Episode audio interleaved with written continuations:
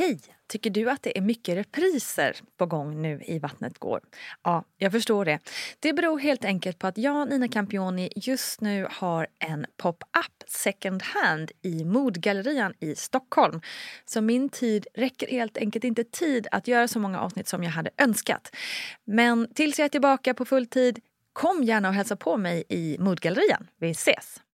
Men också återigen att kroppen kan återhämta sig. Jesus, som det såg ut där. Jag minns att jag, jag skulle duscha efter förlossningen med Mira och jag bara så stapplade in i ett rum där. och Bara, vänta, har jag en binda som är gömd där inne? Är det någon som ligger kvar? Liksom? Men vänta, det är så här mina blygdläppar som är som två korvbröd minst. Alltså, jag kunde liksom inte få upp benen för att de tog emot.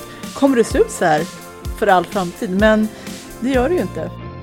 Hej och välkomna ska ni vara till ännu ett avsnitt av Vattnet går. Den här podcasten om förlossningar och graviditet.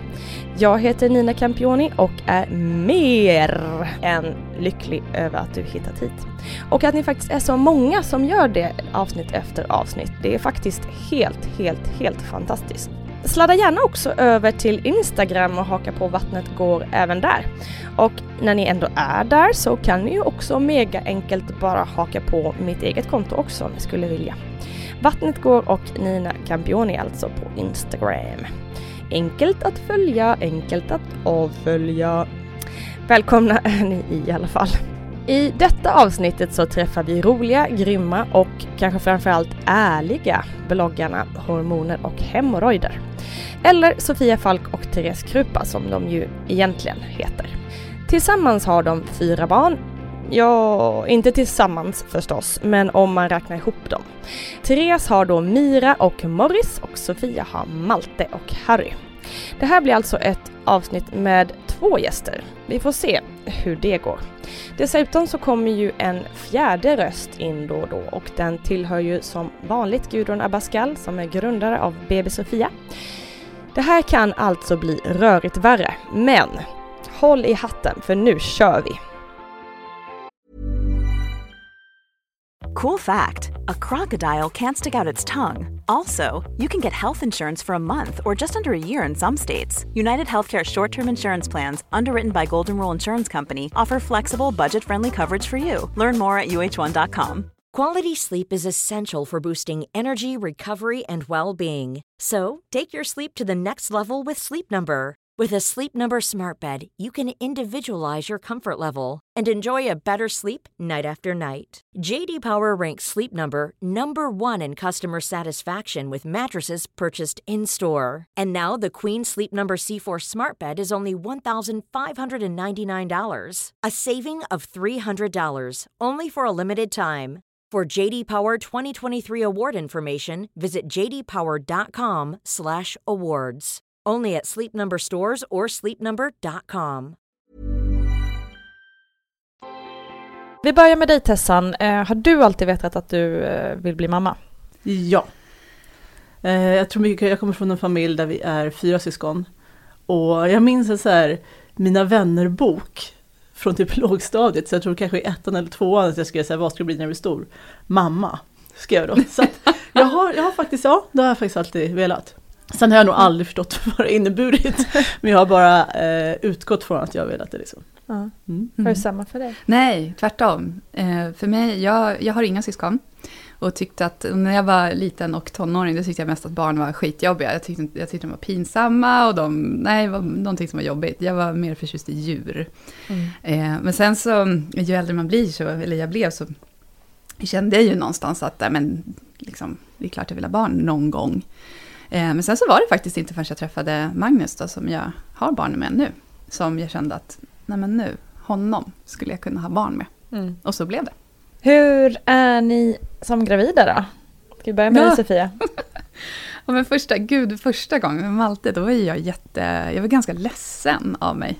Jag kommer ihåg att känslan i kroppen blev sådär dov och tung. Och, ja, nej, men jag kände inte riktigt igen mig själv rent psykiskt. Liksom. Och sen så blev jag väldigt, ja, men väldigt ledsen. Jag oroade mig sjukt mycket. fick vanföreställningar om saker och ting. Nej, men jag, jag kände mig jagad, pressad, stressad. Eh, det var inte kul. Jag kände mig inte sådär snygg och härlig som folk, den som myten säger. Så det var, den första, nej, det var ingen rolig första gången. Det var bättre andra gången. Men då fick jag ta medicin, antidepressiv medicin. Och då gick det bättre. Och det fick du ta då, alltså när du blev gravid? Och in, Ja, jag hade, jag hade börjat med det efter, eh, efter att jag hade fått Malte. Mm. Och, så, och då så tänkte jag så att men nu måste jag sluta med de här tabletterna om jag blir gravid igen. Men tvärtom visade det sig Mhm. vara. Att de sa att "Men du måste nästan fortsätta med de här för att då så är bra är tabletterna nu för tiden att man kan ta dem som, som gravid. Så att du ska inte behöva känna den här fruktansvärda ångesten som, Mm. som förra gången. Utan nu är det liksom fokus på, på att må bra. Men, vad, ja, men då, och du, du kände verkligen skillnad? Mm, det har varit stor skillnad. Jag har känt mig mycket mer som, som mig själv den här gången. Gud vad skönt. Ja, det är jätteskönt. Men det är ju så, man är så olika eh, känslig för de här hormonerna som stormar runt. Eh, så att, eh, och jag är- tillhör ju de som, som känner av det väldigt mycket. Eh, och då, då finns det ju hjälp. Liksom. Så att jag, ja, men det var mycket skönare den här gången. Så att faktiskt nu efter liksom avslutad graviditet så kan jag känna att ja, men jag, det där skulle jag kunna göra igen. Mm. Men var det svårt, kände du att du fick hjälp eh, kring det här på Ja, MVC mycket? ja, så det var inte så absolut. jobbigt och att Nej, ta den här den? gången var det jätte... Då fick jag ju liksom direkt remiss till specialistmödravården och fick jättefin hjälp där och sådär. Så att det, var, det har inte alls varit några... Ingen liksom ångest med det här på det sättet som det var förra gången. Har du några tips till eh, någon annan som kanske känner så här där ute som inte Mm. riktigt vet vad de ska göra? Eh, man ska säga till den barnmorska man går till, eller där man skriver in sig, att eh, man känner så här, att man känner sig så ledsen, eller, vad det nu är. Nedstämd brukar man säga. Eh, och då, nio fall av tio så säger barnmorskan, ja men det är normalt att man gör det med den här stora hormonomställningen i kroppen. Eh, och då om man känner att det här är inte normalt, alltså att det är så pass starkt så att man inte, man, man mår verkligen inget bra, alltså att det inte finns någon liksom, att man inte ser graviditeten som någonting ljust. Då ska man verkligen säga det så att nej men det här, jag vill ta det här vidare, jag måste få en remiss till specialistmödravården heter det. Och då går man, eh, som i mitt fall, då, då var jag på ett, på ett sjukhus. Eh, och så går man på kontroller där också. Och där finns det ju psykologer och det finns, de har ju sett det här så många gånger, tusentals gånger. Så att när man kommer in där så är man liksom en i mängden. Man, man känner sig liksom inte udda eller sjuk eller någonting. Utan Det de måste vara skönt. Ja, jättefint. Och där, där lägger man upp en plan för hur man vill att, att graviditeten och de här kontrollerna och förlossningen och eftervården ska vara. Så det finns hjälp att få, men säg till. Hur är du som gravid? Galen eller härlig? Ja, något mittemellan ska jag säga. Ganska vanligt tror jag. Jag har haft flyt. Eh, men till skillnad från Sofia så tror jag inte att jag, jag reagerar jättemycket på hormoner. För jag får inte alltså, eh, jättebesvär vid mens heller. Så jag har nog väldigt liksom, tur när det kommer till det. Eh, jag kommer ihåg att jag kände mig mest frustrerad över liksom, begränsningar kring, och jag fattar att det är ett lyxproblem, men typ att jag inte kan, kunde träna, att jag inte kunde typ festa. Så att mycket av det Ja. man är inte lika rörlig, mycket av det som man är van vid att ta för givet i ens vardag som Mm. man också tycker är roligt. Precis, mycket av det här, ja men att dricka Ja. vin en fredag, Ja. träna hårt, ut Ja. och springa, allt det där. Och bara Nej, till slut liksom bara ut och gå utan, för jag, Ja. jag fick, okej men det var någonting så var det foglossning liksom. Eh, och också såhär, man fan ska jag inte ens kunna ta en Mm. promenad liksom. Mm. Men jag Nej men du var ju som vanligt tycker jag. Övrigt, alltså du, ut, utåt, Ja. du skötte det liksom i publik. Jag kunde ha med dig bland folk. Ja. Nej men jag precis, och i möblerade rum, så här, Ja, inga, nej, inga raseriutbrott. eller- nej jag är faktiskt ganska, ganska eh, normal. Mm. Mm. Mm. Men är det någonting i graviditeterna som också har varit härligt? För man pratar ju oftast om att ah, det är så tråkigt att man inte kan göra det och inte det, man får inte Ja. göra så här och man bla bla bla. Jag, jag tycker att andra nice? gången så kunde jag eh, uppskatta graviditeten på ett annat sätt just för att man förstod. Eh, det är ju sjukt abstrakt med att man har ett liv i sin mage. Men andra gången, jag kommer ihåg första gången jag kände sparkarna. Andra gången så var det så här. Just nu det. är det någon. Och den här anknytningen som man pratar om som sker redan i magen. Den upplevde inte jag med första. För det var för liksom, Mm. out there för att Mm. jag skulle kunna förstå. Men andra Mm. gången när man visste på ett annat sätt. Jag följde inte alls lika slaviskt när liksom, vecka för vecka. Bara, men däremot så bara känslan av att så här, Wow, än en gång så är det en liten Mm. bebis där inne. Liksom. Mm. Så eh, jag gillade andra graviditeten mer av den anledningen och kunde tycka att det var något jäkligt Mm. coolt på ett Ja. annat sätt. Ja, precis. Så, Det var samma för mig. Jag kände mig också mer med i liksom vad som hände. Så där. Och sen eh, båda gångerna så kände jag mig väldigt Eh, även om jag inte gick runt och kände mig snygg liksom, så kände jag mig väldigt mycket mer bekväm med min kropp än bara, alltså jag kunde typ, behövde inte hålla in magen. Nej men det är lite sådär liksom att eh, många säger att de, när, de känner, när de är gravida så, så vill de liksom inte gå i bikini och sådär. Men var det någonting som jag hade velat göra så var det bara äh, glida runt för att kroppen var som den var på något Ja. sätt. Det, gick, jag, det, det liksom låg inte på mig att så, "Ah, nu måste jag se ut på ett speciellt sätt. Utan det var, det var som det var. Hur förberedde du dig Sofia eh, inför förlossning? Åh, jag måste tänka. Jo, nej, men jag lånade en bok av en kollega och den boken var skriven av den, hon, den här Gudrun Abascal, tror jag man Ja, som dessutom är vår expert eh, höll jag på att säga i det här programmet. Ja, ni ska få ställa en Nej fråga till henne sen. Åh, då har jag, ja, då måste vi verkligen prata. Ja. Eh, nej, men hon, eh, ja, och då hette boken Att föda och den läste jag lite sådär si och så och sen kände jag att men det var så abstrakt. Det går ju liksom inte att förstå det. Man förstår att man kommer att gå sönder av smärta. Men liksom hur det ska kännas och hur man ska ta det, det, det går ju inte att förstå. Men i den här boken då så finns det ett avsnitt där det är en kvinna som får sitt livs maffigaste orgasm när hon föder barn. Ja, det kände jag att, så ja, nej men... Och det Sofia bara, läst. den där ska jag ha, den Ja, förlossningen ska jag ha. nu gör vi så här. Nej men, eh, och, och då förstår man ju att så olika kan det vara. Så att det var egentligen, ja, nej hur ska man säga, alltså det är det här slappna av, slappna av, men sen så när jag väl var där så slappnade jag verkligen inte av. Eh, Men i efterhand så har jag läst det där stycket igen om kvinnan som fick orgasm och det måste jag fråga Gudrun om sen. Vem är Spännande. hon och hur många sådana här... Kan jag få hennes nummer? Exakt. Eh, Ja, det är... Men inga så här, profylaxkurser? Nej, eller- jag tänkte väl det tag där, men så, nej, fan jag orkar inte. Du då? Nej, jag med fast i hand eh, efter första förlossningen så var jag nog alldeles för så här, styv i korken innan. Jag tänkte också så här, äh, vi gick på, på SÖS hade en sån här föräldrakurs, utbildningar som vi gick innan väldigt generellt. Men sen, jag vet inte, jag lutade mot det här att ja, men det här har alla klarat i alla tider. Så här. Eh, det, det borde inte vara en match, eller jag fattar att det var en match men jag trodde liksom att det behöver hur, fa- hur farligt kan det vara? Kommer jag ihåg att jag tänkte, hur svårt kan det vara? Och ja, fan vad jag fick äta upp det. Så jag förberedde mig faktiskt inte alls, tyvärr. Blir det skillnad för andra? Ja, Mm. Då läste jag faktiskt en bok. Oj, Eh, och det, alltså den, eh, jag skulle säga att den gjorde enorm skillnad. vad var det för bok? Det är den här eh, Att föda utan rädsla av Susanne helig. Heli. Mm. Dola och barnmorska, Ja, eller? Jag Ja. tror det. Mm. Eh, do, och i egenskap av doula har hon varit med på så här, tusentals förlossningar och på något sätt kokat ner hennes erfarenheter därifrån till liksom, tre eller fyra om det var, eh, olika liksom, fokusområden som är väldigt enkla att ta till sig. Mm. Och för mig var det liksom, det gjorde sån enorm skillnad inför round two. Så det där var ett tips. Bra Ja, tips. Den jag läste jag den också, det var, det var riktigt bra. Jag körde den också och behövde inte skrika. Så att nu kan jag föda på scientologvis. Nej men Oj. faktiskt, det var, det, Ja. det var rätt coolt. Man Ja. liksom bara andas ut barnet. Nej det gjorde man ju verkligen inte, alltså, inte andra gången heller. Men det var lättare att förstå vilka muskler i kroppen som ska jobba eh, när om man säger ha istället för att skrika och svära. Mm. Liksom. Ja, det är väldigt så här, ta fram urkvinnan i på, ett- på ett väldigt, ja men inget hokus pokus sätt alls. Nej.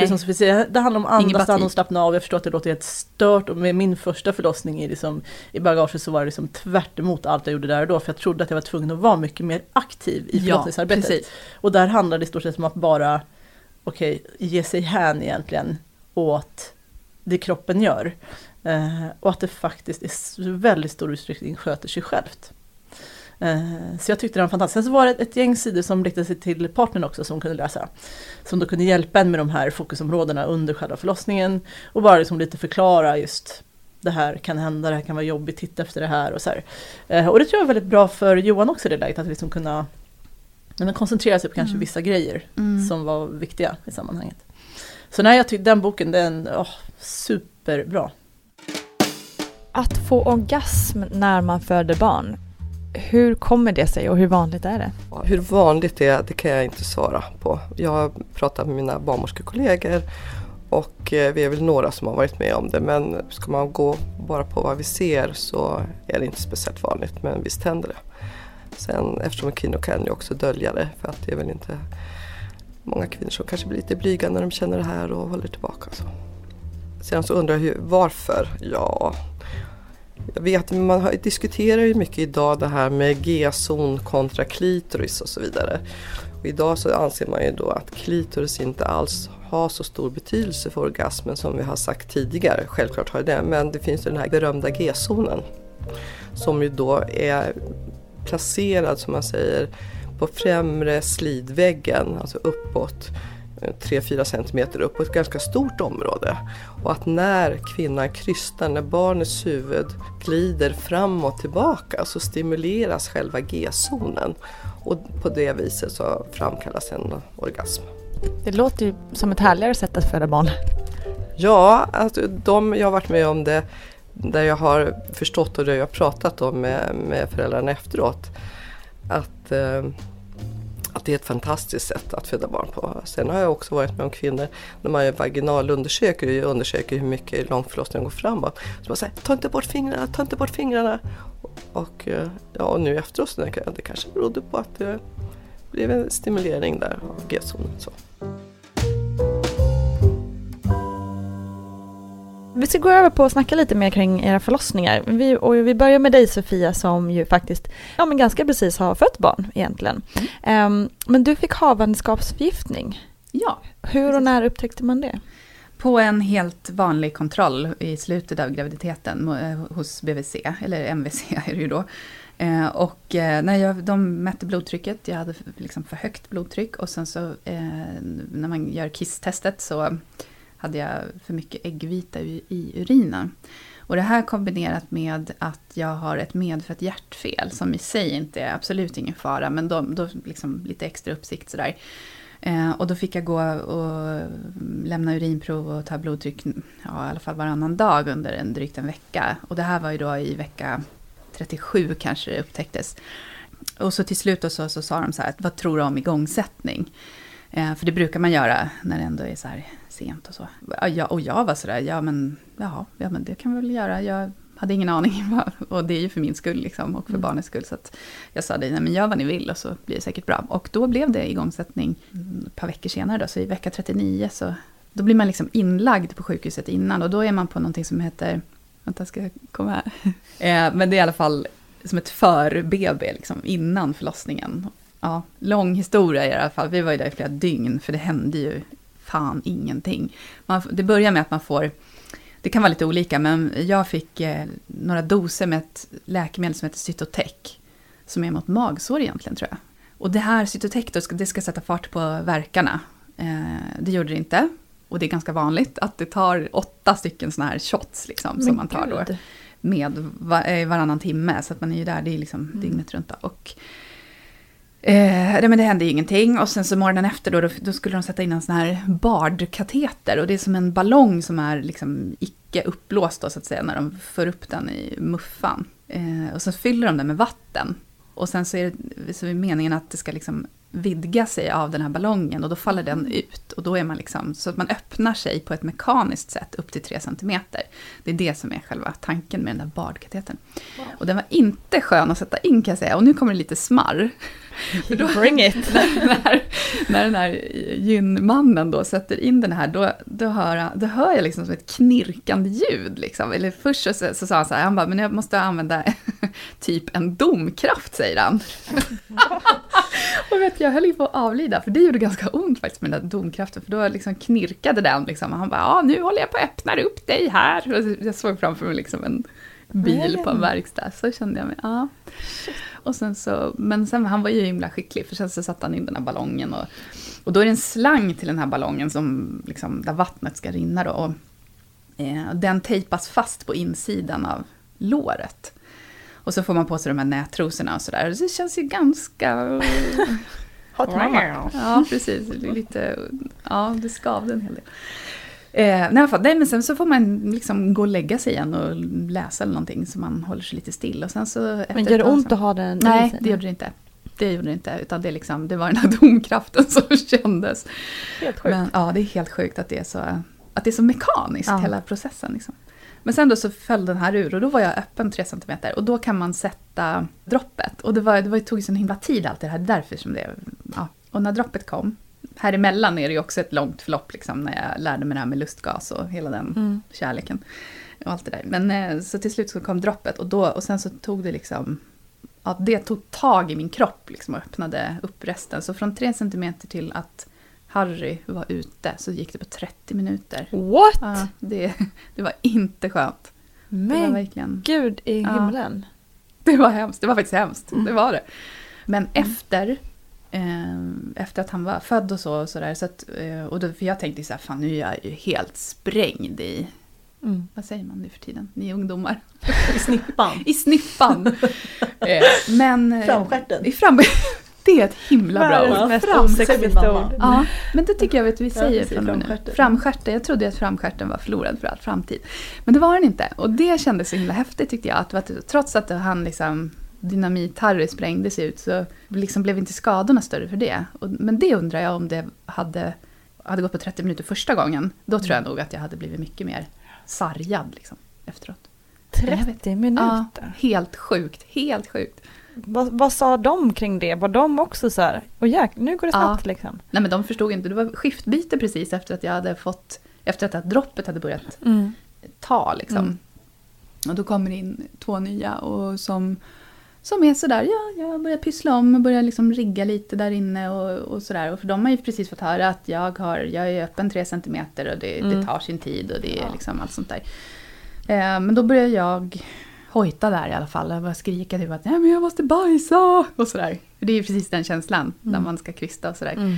Eh, och de bara tittade på mig, nej men och det är en, hon undersköterskan, hon stoppade under en sån här sack och säck och liksom pyssla om och höll på att dona där. Men, så, oj, men jag låg där och ryckte och skrek och ja men då skrek, eller skrek, men, ja, ropade liksom att ja, men jag måste bajsa och herregud nu är det liksom, det är nära nu. Men de nej, tog ingen notis om det liksom. Mer, det tog ett tag, kommer jag ihåg. Till slut så förstod de. Då var det väl någon som satte in en hand och kände efter. Mm. Och kände hans huvud. Och då, då, då blev det fart. Liksom. Då, får det, då hände det till slut. Att de började liksom stanna. Då stannade de hos mig. För i, i, först så hade barnmorskan, barnmorskan hon sprang emellan flera olika rum. För hon trodde att här skulle det inte hända någonting på ett tag. Men så, ja. Alltså det är här, i efterhand i och med att allting gick Mm. bra och så känner man ju bara 30 minuter. Ja, Ja, det lät ju fint liksom. ja precis. Gud, exakt. skönt. Gud vad skönt tänkte Ja, man då. så kort tid. Ja. Men nej, det, hade det där varit första, första förlossningen, då hade jag blivit väldigt, väldigt, väldigt rädd för att Mm. göra det igen. För att det var, alltså den känslan, det var, det var så totalt... Jag känner inte att jag måste ha massor av kontroll i sådana där situationer, men, men det här var så liksom otroligt bortom all, all kontroll. Det gick liksom inte att tänka framåt eller bakåt, det gick inte ens att liksom nästan göra, följa instruktionerna för att det gjordes, det var, det var som ett tåg liksom som rusade genom kroppen. Som inte, det, jag hann inte med någonting. Eh, förutom det där ha från Susanna Heli-boken. Då. Och det var ju tur det då, att jag hade det någonstans i märgen. Att jag kunde liksom, men slappna av och sådär, det var ju... Mm.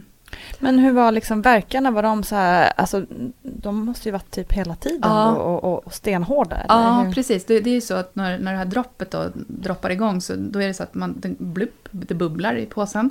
Och sen så efter bara några sekunder så kommer en verk. Mm. Eh, och till slut så kommer de så tätt, så tätt, så tätt. Så att, och vilket är, det är bra, men man hinner liksom inte... När det sätts igång på sån, på sån här kemisk väg så då hinner man inte mm, ja, komma in i matchen. Liksom. Så att, jättekonstigt. Jag skrev det i, på bloggen sen efteråt. Att känslan är liksom som att bli släpad bakom en bil. Mm. Eh, inte för att jag vet riktigt hur det känns, men just det här att man jag kan inte liksom, jag måste, jag ger tecken liksom, stanna, stanna, jag vill inte mer, det går inte, vi måste bromsa här nu. Men, men det, det går inte att bromsa, säger de, utan det här, nu måste han ut. Om man vet hur en igångsättning känns, så tycker jag nästan att det är lite stört att liksom begära en sån, om, liksom bara för att få ut ungen så snabbt som Mm. möjligt. Det, för det är ju många inom vården som säger det, att det här det är ju inte bra egentligen, det här, utan man gör det ju, det ska ju vara synnerliga skäl till att man gör det, men att det går lite för lättvindigt idag i många fall att ordinera en igångsättning. Eh, till sådana som liksom har ledsnat på att vara gravida och så vidare. Jag menar, det har ju alla, det är ju alla i den slutet där. Men eh, ja, Nej, och jag förstår dem. Jag förstår vårdpersonalen, för det, är inte, det kan inte ens vara kul. Tänk att se det här liksom. Men det måste vi ändå säga, Mm. på bloggen när du skrev om det så var det verkligen som två läger. Vissa som Ja. var så här, okej det här är inget att rekommendera. Och sen Precis. så var det de som hade haft mycket mer liksom sansade igångsättningar. Men det kanske var att de hade svarat lite tidigare på Precis, de här precis. förmomenten. För Just då var det det. med Mm. att de kunde få epidural och liksom det skedde allt Mm, väldigt mm, kontrollerat. Och de hade, de hade ju bra erfarenheter av det. Precis. Men din var ju så, så brutalt snabb när det väl kickade igång och då är det ju Mm. svårt att kontrollera på något sätt. Det går inte att sätta in en bedövning då. Nej, det det finns ju inte en 30 chans. Ja, det finns ju två väldigt Exakt, Verkligen. precis. som- Det är ju väldigt individuellt som vanligt Mm. då. Jag blev ju också igångsatt, eh, men, och då gick det ju, det här öpp- öppningsskedet tog ju tre timmar för mig ungefär.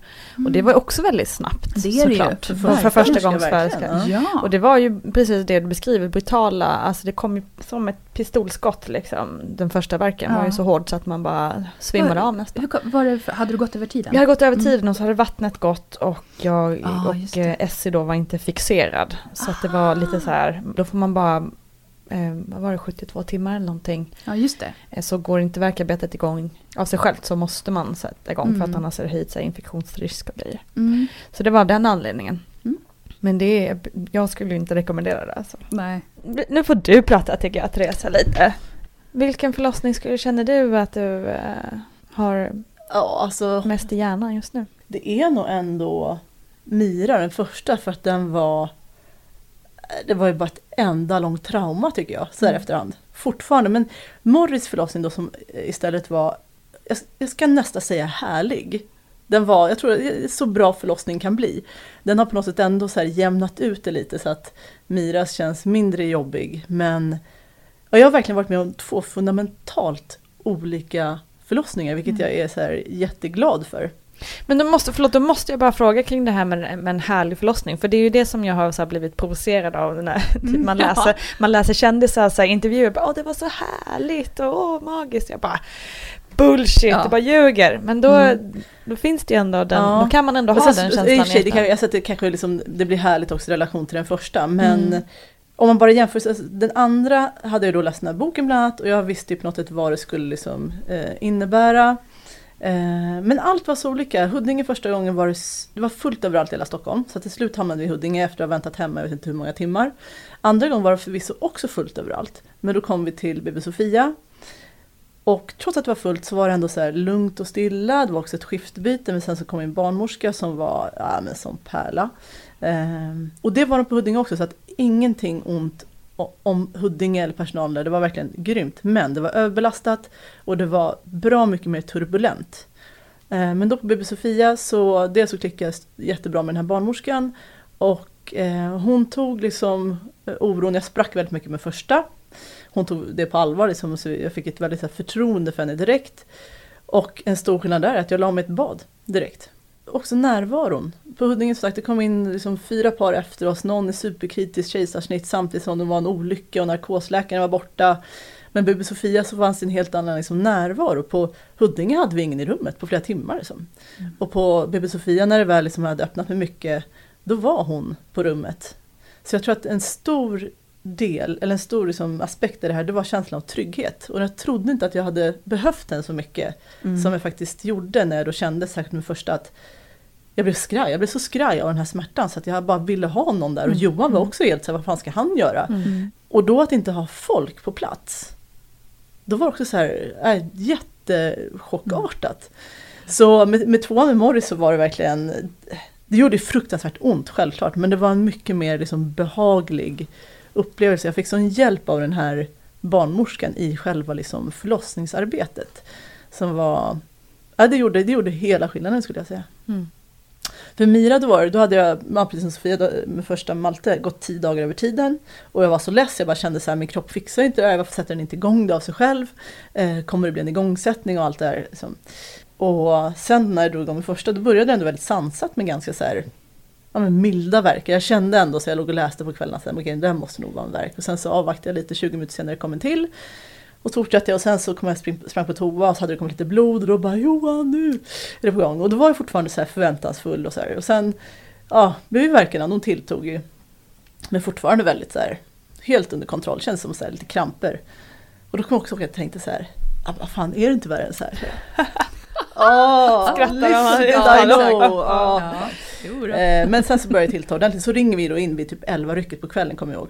Till Söster skulle föda och Johan hade verkligen så här rekat hur man skulle köra och parkera. Och så bara på telefon, nej men det är fullt. Södra BB är fullt. Okej, ja, kan du vara hemma en timme minns jag att hon säger. Jag så här, eh, ja, eller? Ja, jo. Jag vet, eh, jo det kan jag. Så jag återkommer om en timme. Och det blir verkligen, de, de avtar inte direkt. Så, här. så efter en timme ringer jag. Och hon bara, det är fortfarande fullt. Och sen kan du återkomma om ytterligare en timme. Och då efter en timme, då kan inte jag ringa. Det var bara så här, Johan nu får du ringa, det här går inte. Liksom.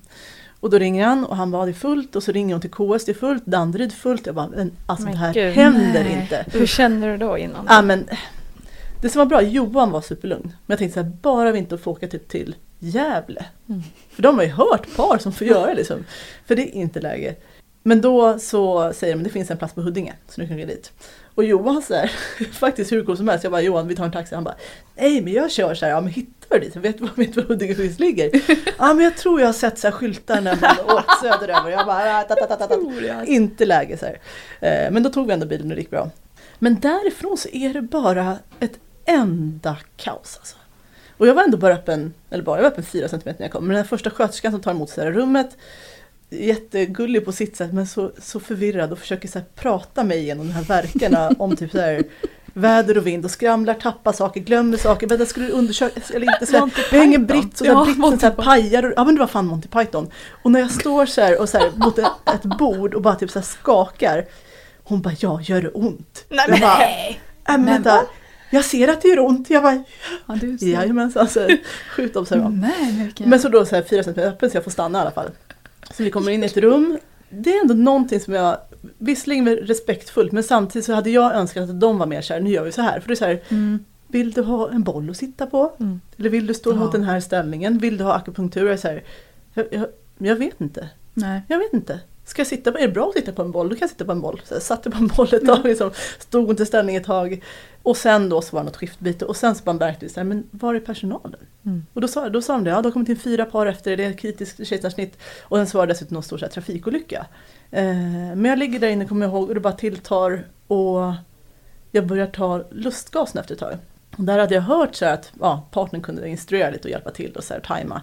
För jag bara kom in så dåligt flöde, jag missar verken liksom varje gång med den här Men, lustgasen. och då, men det var ingen personal som visade dig hur du skulle göra med Nej, de sa så här, andas men in, de sa ju så här, andas i den här när du känner att verken kommer. Men ofta känner man ju verken för sent så man började andas nästan mitt i verken. Och då skulle man typ den släppa inte. den. Då skulle det, precis, så att jag bara, det blev så här total osynk och så hör jag bara hur någon säger så här, hellre att du har den för mycket än för lite. Och då så var det bara så Ja. då hånglade jag med den här masken Ja, ja. för resten av förlossningen.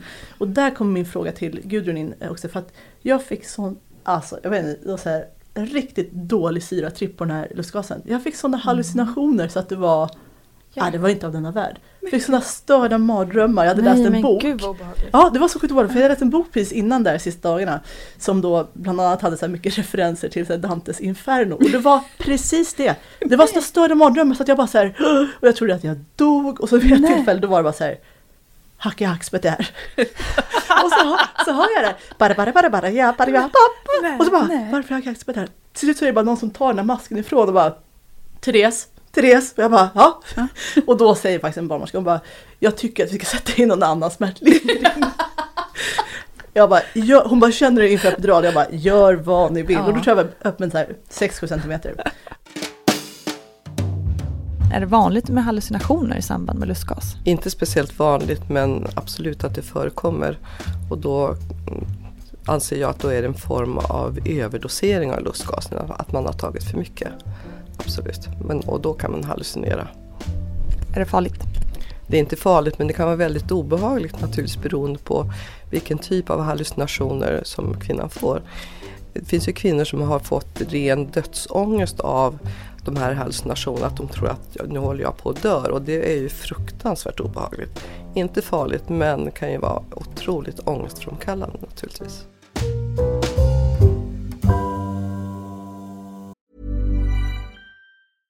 Hey, I'm Ryan Reynolds. At Mint Mobile, we like to do the opposite of what Big Wireless does. They charge you a lot, we charge you a little. So naturally, when they announced they'd be raising their prices due to inflation, we decided to deflate our prices due to not hating you. That's right. We're cutting the price of Mint Unlimited from $30 a month to just $15 a month. Give it a try at mintmobile.com slash switch. $45 upfront for three months plus taxes and fees. Promo rate for new customers for limited time. Unlimited more than 40 gigabytes per month. Slows. Full terms at mintmobile.com. Quality sleep is essential for boosting energy, recovery, and well being. So, take your sleep to the next level with Sleep Number. With a Sleep Number smart bed, you can individualize your comfort level and enjoy a better sleep night after night. JD Power ranks Sleep Number number 1 in customer satisfaction with mattresses purchased in-store. And now the Queen Sleep Number C4 smart bed is only $1,599, a saving of $300 only for a limited time.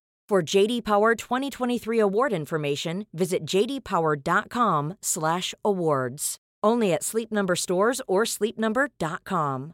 Cool fact a crocodile can't stick out its tongue. Also, you can get health insurance for a month or just under a year in some states. United Healthcare short term insurance plans, underwritten by Golden Rule Insurance Company, offer flexible, budget friendly coverage for you. Learn more at uh1.com. Och sen då så, så händer den här trafikolyckan så att narkosläkaren blir upptagen i två timmar. Aj, aj, Så när jag väl får den här epiduralen då är den typ så här 8 centimeter. Och så tar den också bara på ena sidan. Nej, fick du en sån? Ja, jättekonstigt. Tog jag på vänster och höger känner ju det här vanliga smärtan men på vänster så bara, nej ingenting funkar men ändå Ja, och sen så eh, vill de inte fylla på den mer för att då börjar det närma sig kryssskedet. Men ändå, då fick jag också såna här verkstimulerande dropp men ändå i mindre dos än vad ni har fått. Men då också minns jag bara att då var det bara som ett så här totalt kaos. Fram till 6-7 cm kommer jag att det, det gick ganska bra att andas och på något sätt Ja, ja, man- klamra sig fast vid lustgasen. Ja. Men sen där 8-9 då var det bara Nej, jag, alltså, jag, jag, jag, jag tror inte jag, jag minns knappt alltså. Nej. Och jag kommer ihåg att jag blev så här, och benen så här skaka okontrollerat och Johan försökte göra sitt och jag bara, nej det var, det var inte roligt överhuvudtaget. Eh, och sen så vet jag att det drar ihop sig och eh, ja, krystvärkarna börjar för det känner man ju otvivelaktigt. Liksom. Mm. Men sen är det ju något som händer mot slutet och då vet inte hur de upptäcker det men jag läste i journalen efteråt att Mira då hade så här navelsträngen runt halsen. Så jag minns att de gör någonting och den här riktigt grymma barnmorskan, hon var verkligen superbra. Men hon måste nog, jag, jag- jag antar att hon kör in handen för att få loss liksom Ja, mm, navelsträngen. Och jag känner hur det bara så här, frutt, Mm. jag bara hoppla, där var det något liksom, där var det vävnad som Ja. sprack. Så här. Nu gick något paj så här. Men man hinner ju inte tänka på det. Så här. Och så, så här, ut kom Mira efter ett tag och jag var helt i chocktillstånd och får upp henne på bröstet. Eh, men innan det så kommer då en annan barnmorska för de röstar varandra igen. Min kära Gustav. Ja, Så jag, jag ligger helt så här väck och så kommer att han så här, tar tag i min arm och bara ja Therese, hej Gustav heter jag så här, vi ska undersöka ifall du har fått en sfinkterruptur. Mm. Och jag bara, så sving. Så bara, va? Och så bara, okej jag kommer aldrig mer kunna bajsa. Nej. Nu har det spruckit liksom upp Från i... Vad är det för någonting? Det är alltså att när en fullbordad sprickning mellan Jaha, eh, hela vägen. slidöppningen och eh, Okej. analen. Och jag hade hört innan om typ bekant bekant som har fått det, som har typ fått bajsträna. Och jag bara minns jag så här, paniken var nej, nej, nej, nej, nej, nej, men vänta. Och då händer det som man inte vill ska. Det kommer in en läkare, vi måste så här fastställa det här. Och in och så här härjar i, i analen för att känna då ifall det är något kvar där av väggen liksom. Och han tittar upp och bara, jag måste få ett utlåtande av en kollega. Och jag bara, nej, nej, nej, nej. Och Jag är så jävla chockad och Johan Och står då har bredvid du och bara, Mira på ditt bröst Ja. samtidigt. Eh, och sen alltså kommer in en till läkare som också så här, same procedure, härjar loss där. Eh, Och, så här, och han också bara, nej jag vill att en kollega tar en titt på det här. Nej men vad? Ja, nummer tre kommer in och gör samma sak. Och hon bara, nej jag vill ha ett utlåtande till. Va? Fyra läkare härjar loss i min anal för att se ifall den här. Och visserligen jättebra att de verkligen vill säkerställa. Men då kommer den här lilla fransyskan på slutet som, ah, hon var fan hårdhänt. Och, men ändå, hon behövde väl vara det för att kunna liksom fastställa. Och hon bara tittar upp och bara, den är intakt. Och jag blev så jävla glad för då var det liksom, det var en brutal sprickning men det var liksom inte eh, fullständigt. Så då fick de sy och fixa och dona så det blev ingen liksom operation av det hela. Eh, men allt det och sen Mira och så kommer jag att han ställer frågan så här, vad vet du om amning? Och jag bara, är något När du låg veta? där Ja. redan. Ja. Gud, ta Eh, en sak i taget. Ja men verkligen. Eh, och då kommer jag ihåg att det bara var så här, vadå, om jag har någon fråga, eller vadå, det väl bara amma liksom. Ja. ja. Just det. Och det var en story för sig. Men jag kommer ihåg, det var bara, det var bara sånt kaos. Och sen skulle jag, de bara, nu måste du kissa Therese. Och jag bara så här, ja men det kommer inte hända. Så. De bara, du måste, måste kissa. Antingen sätta en kateter, jag bara gör det. Men Mm. de bara, vi vill att vi ska, du, du ska upp liksom och kissa. Vill du gå på toaletten eller vill du ha en potta? Och jag bara, nej jag tar pottan. Så kommer de in med en potta på en liten ställning som jag ska sätta den på där. Jag var så skakig i benen efter den här kraftprovet och epiduralen som gjorde att benen var lite. Just det. Och skulle jag kissa på den här pottan. Jag kände så här, "Nej, det finns ingenting som kan koppla här gärna till urinblåsa. Nej, så. Så jag satt där och bara, jag vet inte hur jag ska till. Jag kan liksom inte, Nej. jag kan inte Nej. kissa. Och de bara, du måste kissa. Och de var supersköna, de gick runt där inne. Jag satt där på den här pottan.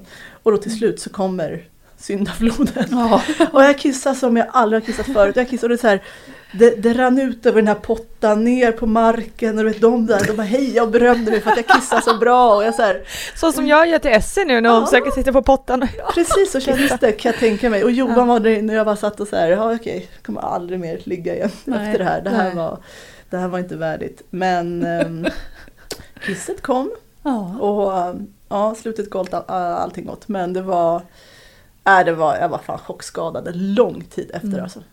Ja. Lång tid efter.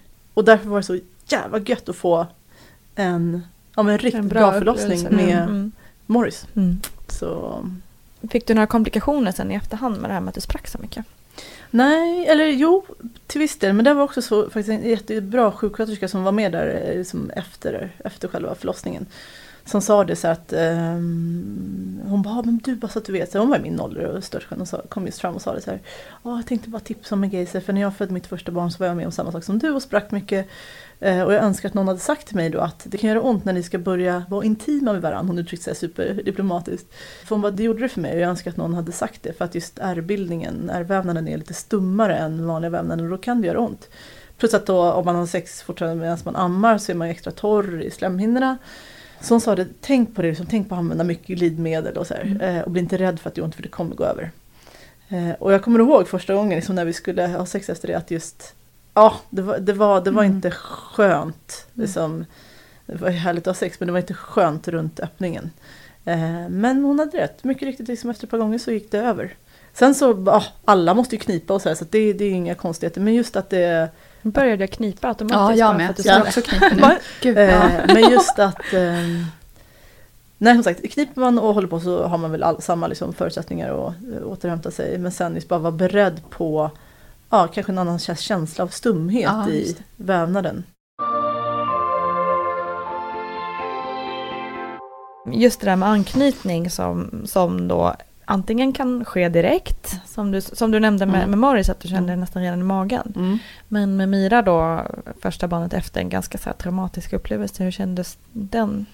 Ja, det tog tid. Mm. Eh, eller ja, tog tid i varje fall mot vad jag trodde att det skulle göra. Jag trodde att det skulle ske väldigt liksom, omedelbart.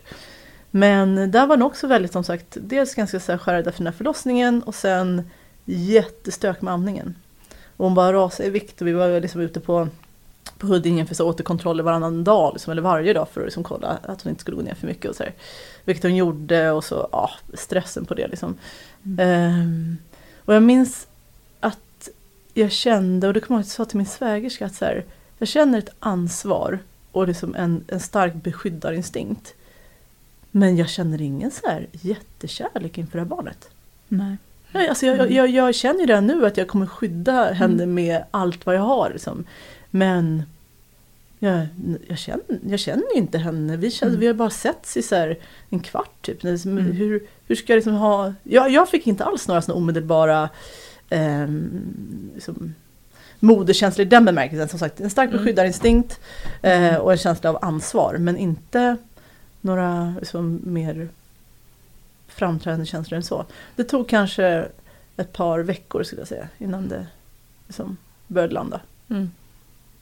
Så ja. Känner jag också igen. Hur var, vad känner du kring de frågorna? Ja, precis samma sak. Fast jag, du sa du hade mycket bättre ord för än vad jag någonsin har haft. Men just det där, jag kände också ansvaret och sen så en otrolig beskyddarinstinkt som kändes liksom fysiskt. Så, där, så att jag var liksom beredd att slåss om någon hade kommit för nära. Det, det kom från, från Mm. start. Eh, Men sen resten, det var just att det skulle vara den här kärleken och det lustfyllda, nej, det, tog- det tog några månader för Mm. min del innan jag... För jag har ett minne från det är november och jag tror att vi har, du och jag har precis dragit igång bloggen Mm. då. Eh, och då, ja det hade inte med det här att göra, men då, det var ju den samma veva. Så, så bara håller jag Malte i min famn och han tittar på mig med sina stora, stora blå ögon. Och han tittar så kärleksfullt på mig då. Det var, det, för då var det väl någon anknytningsfas från hans sida så att säga. Och då känner jag det här, nej men gud det här är ju mitt, det är ju vi liksom. Då, då, hade, då var det någonting som hade lossnat. Men det var ju den första, den första gången som jag kände kärlek och då var ju han ja, fyra månader. Liksom. Så att det, men det, och det har jag ju förstått att det är ju inte speciellt onormalt eller ovanligt utan det, så kan det vara. Nej, det tror jag verkligen inte. Speciellt inte med första barnet. När det är så himla upp och ner liksom. Vilket stök Mm. Ja, det var för det jag pratade med en kompis häromdagen som hon fick sitt första barn i höstas. Och hon sa det också, men det här, jag har inte hunnit, jag, jag vet inte vad jag känner. Och det är så här, nej men det är så. Det är helt sjukt vad det är upp och ner och Mm. liksom att man inte... Man hinner ju ingenting, man hinner ju inte tänka ens om man, Nej. om man känner kärlek eller hur man... Ja, Nej men det jobbiga tänker. är ju att man blir eh, rädd att det är något fel, att man är liksom en dålig mamma eller att det är fel på Ja. mig, att jag inte kan känna så här Ja. eller för att man ska ju älska sitt barn. Mm. Ja, precis. Vilket man ju såklart gör. Det är ju en del av den här Ja. beskyddarinstinkten. Mm. Det är ju Ja, liksom just en det. form av kärlek såklart. Hur mycket hemorrojder fick ni egentligen? Åh, vad äntligen! Bra, Ja. för det är jättemycket. Ja, Jag kommer ihåg ja, med Mira, då fick jag så här, hon också återigen en supergullig barnmorska på Huddinge, så när jag skulle åka hem samma dag så hon bara Ja, men i och med att vi hade sytt så mycket och så här, hon bara, vill du att vi tittar på ditt underliv så här, innan du åker hem? Eh, ja, för fan, det är jättebra, det får du gärna göra. Så här. Och så minns jag att vi satt där och hon bara, vill du se? frågade hon.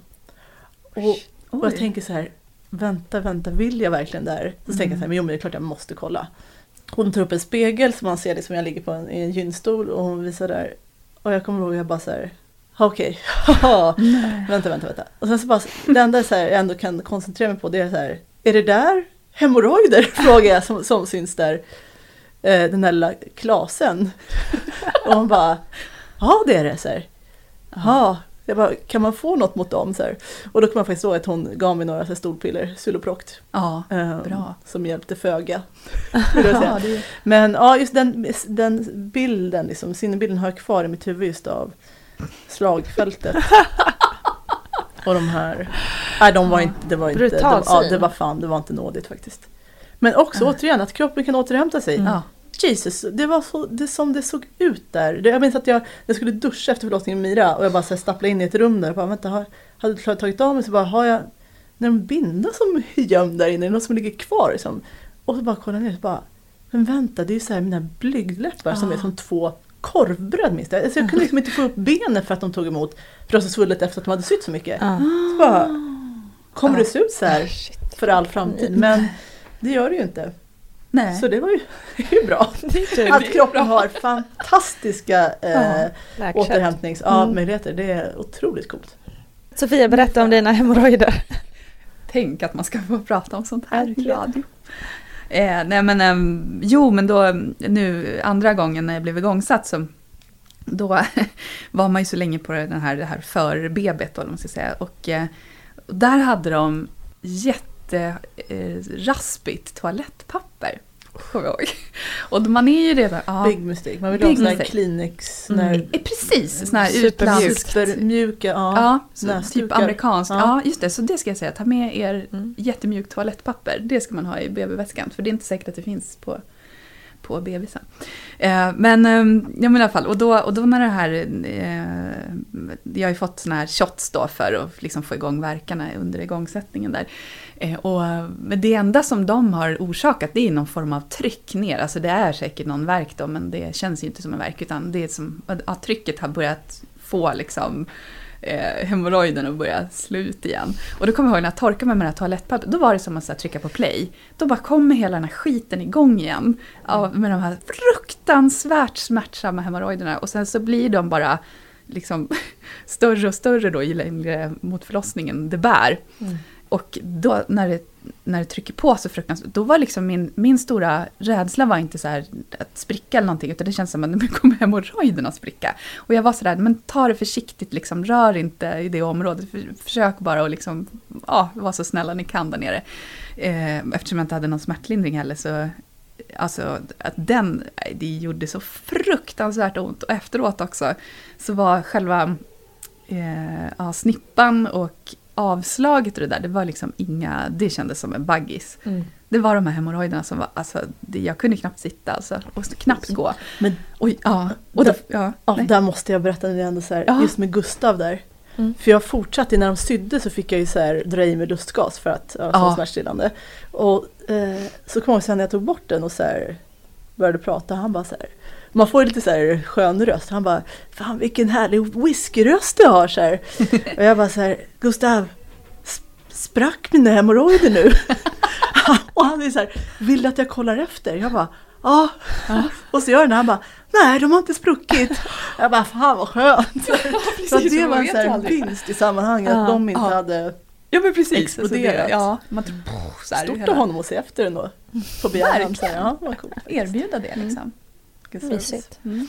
Så var det en sköterska som sa på BBCn, ja, ja hemorrojder, ja, de, blir ju, de blir ju stasade. Så du måste liksom trycka tillbaka dem upp i analen. Mm. Mm. kan man ju roa sig med. kan man ju hålla på med ett tag sen efter. Men det hjälper.